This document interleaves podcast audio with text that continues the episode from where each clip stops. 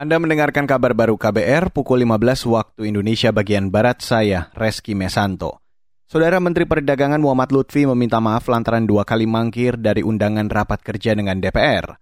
Menurutnya ketidakhadiran itu lantaran jadwal yang tidak sesuai. Ketidakhadiran kami pada tanggal 17 Februari dikarenakan pada waktu yang bersamaan dan telah kami jadwalkan untuk kunjungan ke Makassar dan Surabaya.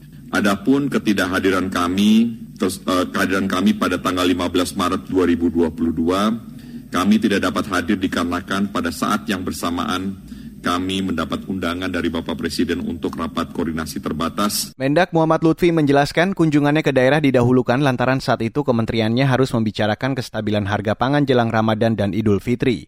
Apalagi kata dia, momen tersebut bersamaan dengan dimulainya gejolak harga minyak global dunia. Beralih ke berita selanjutnya, Saudara Menteri Investasi dan Kepala Badan Koordinasi Penanaman Modal atau BKPM Bahlil Lahadalia mengatakan serius untuk menyasar investasi berbasis hilirisasi.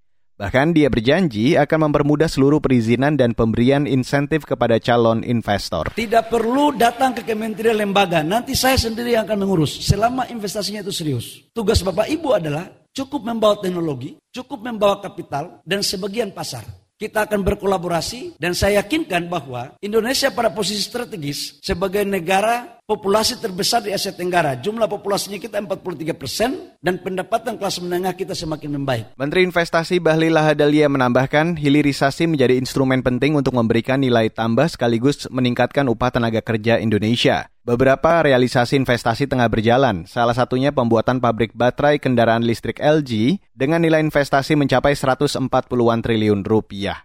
Dan saudara masyarakat di Balikpapan masih kesulitan mendapatkan minyak goreng. Hal itu diungkap anggota DPRD Kota Balikpapan, Alwi Al-Kadri.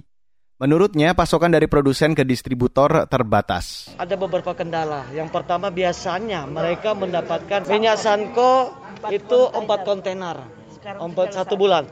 Sekarang itu hanya dapat satu kontainer. Kirim bertahap. Nah, dikirim juga bertahap. Inilah juga salah satu kendala. Sehingga pihak mereka pun agak bingung karena sekarang ini dulunya contoh permintaan itu cuma 10 toko. Sekarang ini hampir semua toko minta ke mereka.